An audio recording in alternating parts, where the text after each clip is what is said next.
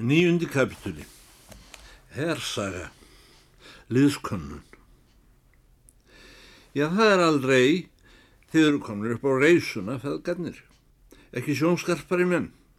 Sögðu þeir við Ólafur Hrísbrú þann dag sem hann var komin á yfirreiðum hérað og hafði boga svonsinn að forleipi.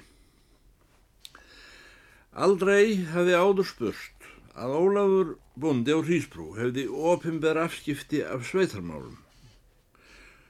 Horki sótti hann eftir að komast í nefndir, nýja sóttust aðrir menn eftir að hafa hann í þeim. Hann var talin læs á bók eins og allir Íslendingar, en það eru áhöldum hvort hann hefði verið skrifandi í því einu skjali þar sem nafn hans finnst í undirskrift er þess ekki getið að það sé handsalað. Sumir hafa haldið því fram að nú er hann reyð yfir sveitina í fyrsta sinn að reysa bændur. Þá hafi hann haft með sér einhvers konar lesmál á bladi þar sem andmælt væri sameiningu kirkuna. Engin staðfesting hefur fengist á því og ekkert plagg fundist í þá veru í skjálaböglum. Aftur á móti setti hann á tölur við bandur og skoraði á hvern og einn sem ætti brúglegt ekkjárn og þó ekki væri nema pál og rekku, kúbein eða haka að hrista af þessu mold og rið og fara að brína. Þó sagði hann að svo gæti farið að bitlausar rið frökkur dygðu skamt og væri þá munum ráð að fæja bissuhólka sína eftir tilværu. Ellegar kaupa sér nýjar bissur þeir sem nokkuð væru að manni. Mjög væri áriðandi að konur stæðu að baki mönnum sínum og hefðu til taks sjóðandi hland í kollum til að brenna þá anskota sem bóðuðu nýður brot Mósfellskirkju.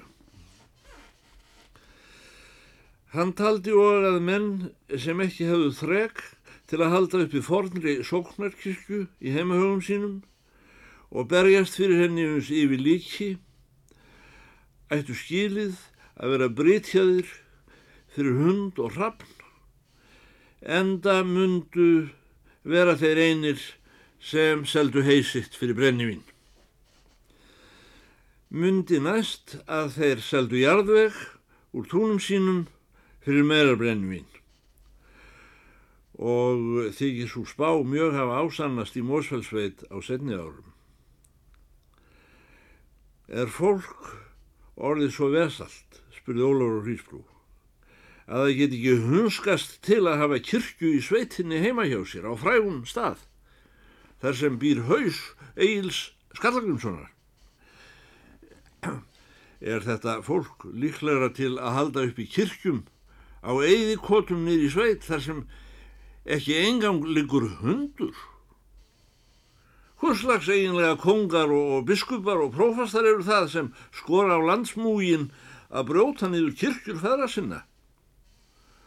Og hurgir hlýða þeim á skotum sem svo bjóða. Sálalauðsir drikkjulútar og rossakvalar á endir sem frá upphæfi hafa verið að þröngva kosti ekna og munaðalauðsla hér í sveitinni. Fram í dagsljósi með þá. Er svo tíð í vendum að aldrei sjáist framar í andlit manni sem maður geti heitið í þessum húsrassi. Haldið þið kannski að anskotunum á mósfelli sé ekki skýtsama þó þið farið neðri veginn? En það eru þau nú búinir að kaupa lágafellið og kuð vera með bref upp á það frá pokabiskupum og kong skeklum á fyrrivöld að þið eigið að vinna kauplaust að því að reysa ykkar eigin og óvinna kirkju að lágafelli. Til að bæta gráan og svart ætla þeir að snuða ykkur um 6 krónur fyrir að lofa ykkur að liggja um aldir alda á lágafelli. Þessum líka staðnum. Ég veit ekki betur en það hefði verið ókeipis á Mósfelli hinga til. Þegar Ólafur hafði lokið máli sínu var hann hardur undir brún og beit á í axlinn. Líkur grímu þeirri sem Henrik Íbsen bar anspennis ljósmyndurum og efri árum. En eldur brann úr augum honum, starblindur auðum, Gekk síðan út fyrir vegg að kasta sér vatni og dvaldist eigi all skammastund að því starfi. Því hefur verið haldið fram að Íslandingar beigið sér líkt fyrir skinsamlegum rökum, fjármunar rökum valla heldur og þó enn síður fyrir rökum trúarinnar, en leysi vandræði sín með því að stunda orðhengils hátt og deila um tillingaskýt sem ekki kemur málinu við. En verði skjelvingu losnir og sett til hljóða hvena sem komið er að kjarnamáls. Aftur á móti klífa þeir þrítugan hamarinn til að verða við bænarstað vina og frænda. En það myndi landsbyggð á Íslandi hafa lagst niður fyrir mörgum öldum ef eigi verið svo. Þó er enn ein rauksemt sem Íslendingar eru fúsir að hlýta þegar allt um þrítur, en það er fyndni, má vera öllafyndni. Við hlægilega lígasögu mýkist þjóðfélagið og fer að ljóma upp. Jarði úr sálarinnar verður jákvæður. Þannig voru sóknarmenn í Mósfells kalli óðfúsir að samþykja með orði og eðstaf annan daginn það mál sem þeim var fjárstskapi. Af því sá vinnur þeirra sem þeir mátu ofar Guði, sér að Jóhann bað þá þess. Daginn eftir kemur Ólafur á Hrísbrú beint úr fótsögunum og snýr sveitinni til fylgis við sig með rauksamdafæslu sem ekki var síður ram íslensk og ekta. Hvernig sem skilja ber þá bilding hugarins sem leiðangur Ólafs bonda olli í sveitinni. Það var nokkun veginn örugt að þar var ekki skynsemi að verki og þvísiður trú og allra síst voru þar hagsmunamál í húfi. Allt í einu er komin upp í mönnum óvissa um hvort rétt sé að rýfa Mósfellskirkju, samfara óta um að með skjali sem þeir höfðu undirskrifað hjá sér að Jóhanni hefðu þeir afsalað sér höfði sínu sem var höfuð Egil Skallagrímssonar, það höfuð sem Egil hafi sjálfur kept sér.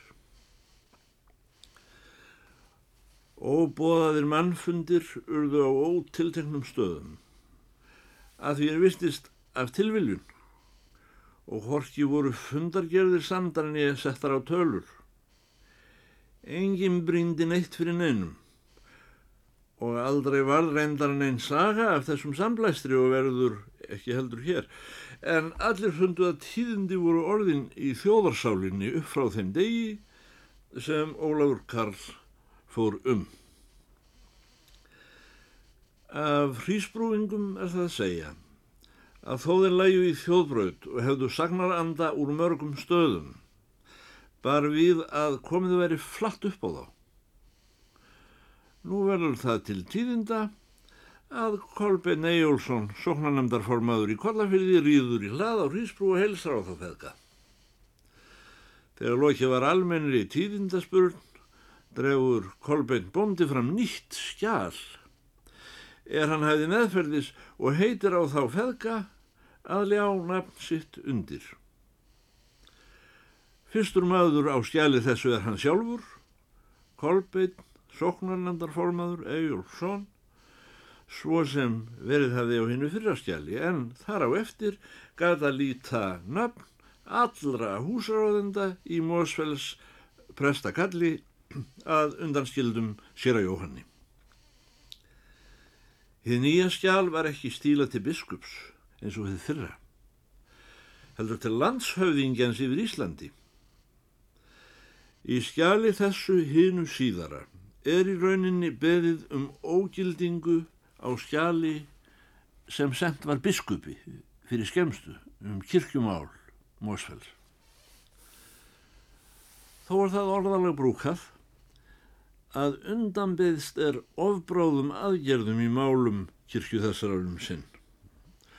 Og vonast til að niðurlif títt skrifaðrar kirkju verði í útidegu. Eða að minnstakosti frestað saminningu við aðrar kirkjur sem í ráði sé að smíða. Og sóknarmenn telja sér skilt að styðja og allra síst með kauplausum vinnum sínum. Þeir sem senda landshöfðingjanum þetta bref kalla það hafa verið bráðuræði sitt er þeir fyrir, fá, fyrir fáum dögum settu nafn sitt undir annað bref að því sinni til biskups og hafi það gerst meir fyrir ótíma bara góðvild við soknarprest en granna íhugun á rökum og málsendum.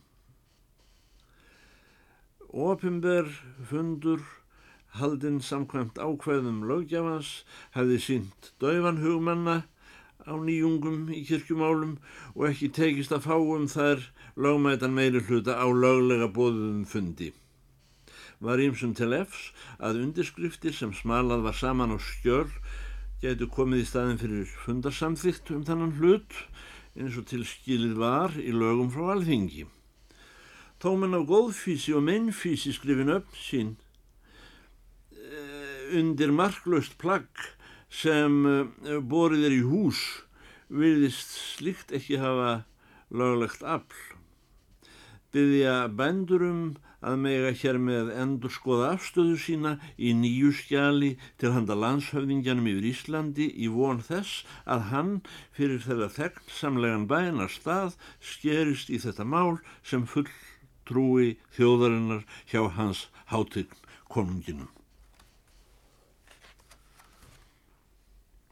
Tíundi kapitúli Úttekt kirkjunar Bænarskrá Úttekt á kirkju þeirri sem hér hefur lítilega verið umræðu er getið um, að um, skipan prófassins í görðum þessar sömu daga sem nú var frá sagt á stektíð 1887. Úttektar gjörningurinn er undirskrifaður af sóknarnefndarformanni Kolbini Ejólfsinni og tveim öðrum og verður, og verður fundin í brefum kjalanes prófastæmis frá þeim tíma. Hefur Kolbin Bondi haft ærnu í að vefjast aftur og fram vegna kirkju þessarar um sömarið. Kirkjan er í skjálinu talin 11 álnir og 11 þumlungar á lengt innan gabla og losar það eftir nútíma reikningi sjö metra. Breytt mælis nýju álnir og tólf þumlungar innan vekja. Ytrabyrði er talið hálf ónýtt sökum fúa. Undirstokkar allir fúnir, þiljur, ófúnar að innan nema fremsti biti. Ornamenta, alltari, vantan læsingu, predikunarstóll, gráður, stöpull undir skýrnarfondi, alltari sprík með upprísu lausnarans, hökull borinn úr flauili, eitt rykkilín, alltari sklæði lítil fjagleg,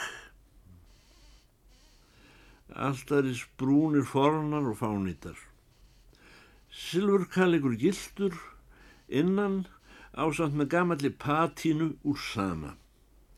Korporal dúkur forn. Tveir armstjakar með tveim pípum hór úr kopar. Glerhjálmur gallaður. Grafi minningaspjöld tvö. Söngtabla með lausum stokki. Skýrinarfondur úr látúni beglaður. Graftól þólanleg, klukka heil. Sjóður kirkjunar er talin samkvæmt sjóðsbók tæpir 2000 ríkistalir og hefur aukist af jarðarafgjöldum undan farin ár en öngu verið kostað til að viðhalda staðnum. Líður nú þetta sumar svo ekki ber frekara til tíðinda í málum kirkju þeirrar er nú var líst. Uns uppkjemur orðarimtur um það fyrir sunnan á nokkur óklárindi muni vera komin upp í Mósfells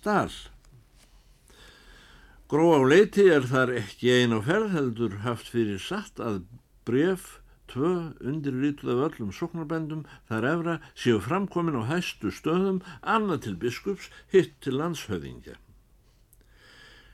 Þessir bref eru sögð að því leiti einstök og sérleg að þó þau séu undirskrifuð af sömumönnum um sama efni halda þau hort sína meiningu í einum og sérkvarjum punkti líkt og þar væru komnir tveir harðsnúnir flokkar á vettvang hór gegn öðrum. Kemur í ljós við samanburð skjálanna að sérhvert konubarn í Mosfellsdal heldur tvær andstæðar skoðanir á þessu máli. Til reyðu að berjast fyrir báðum þessum málstöðum syndaginn hórum af sannfæringu og hörku sem ekki þólir málamiðlun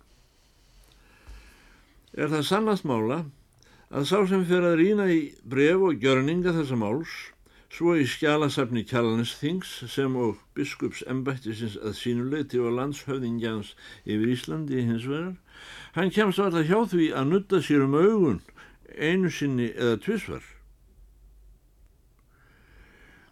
Hið síðara brefum og stæla, landshöfðingibrefið, er ekki sendt ofinbarlega biskupi til umsagnar fyrir 15. desember um veturinn.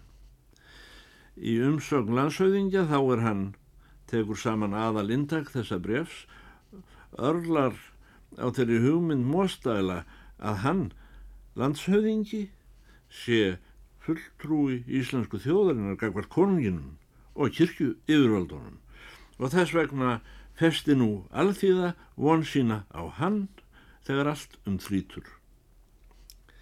Að sínuleiti telur landshauðingi í skýrslu sinni e, til biskups ekki vafa á því að heil kirkjusókn standi að baki umleitan sem varðar alla sóknarmann jæmt.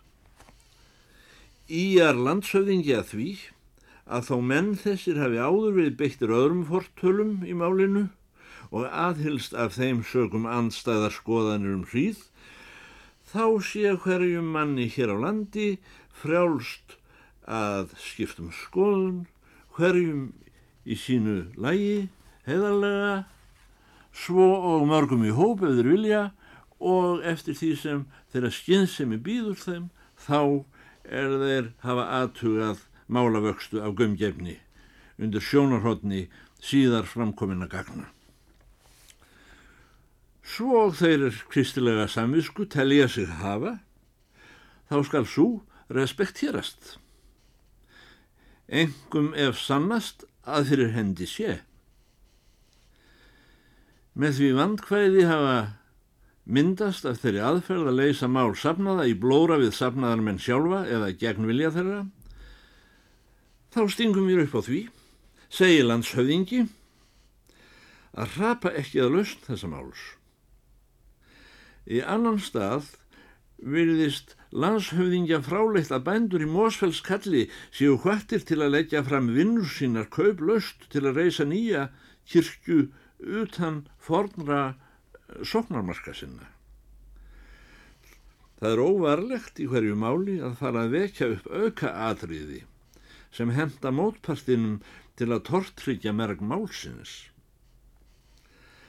Lætur landshöfðingi orðlikja því að vinnu hvaðir til nýrar kirkjusmíði kynnu af bendum að útleggjast svo sem væri verið að mjúklæta þá.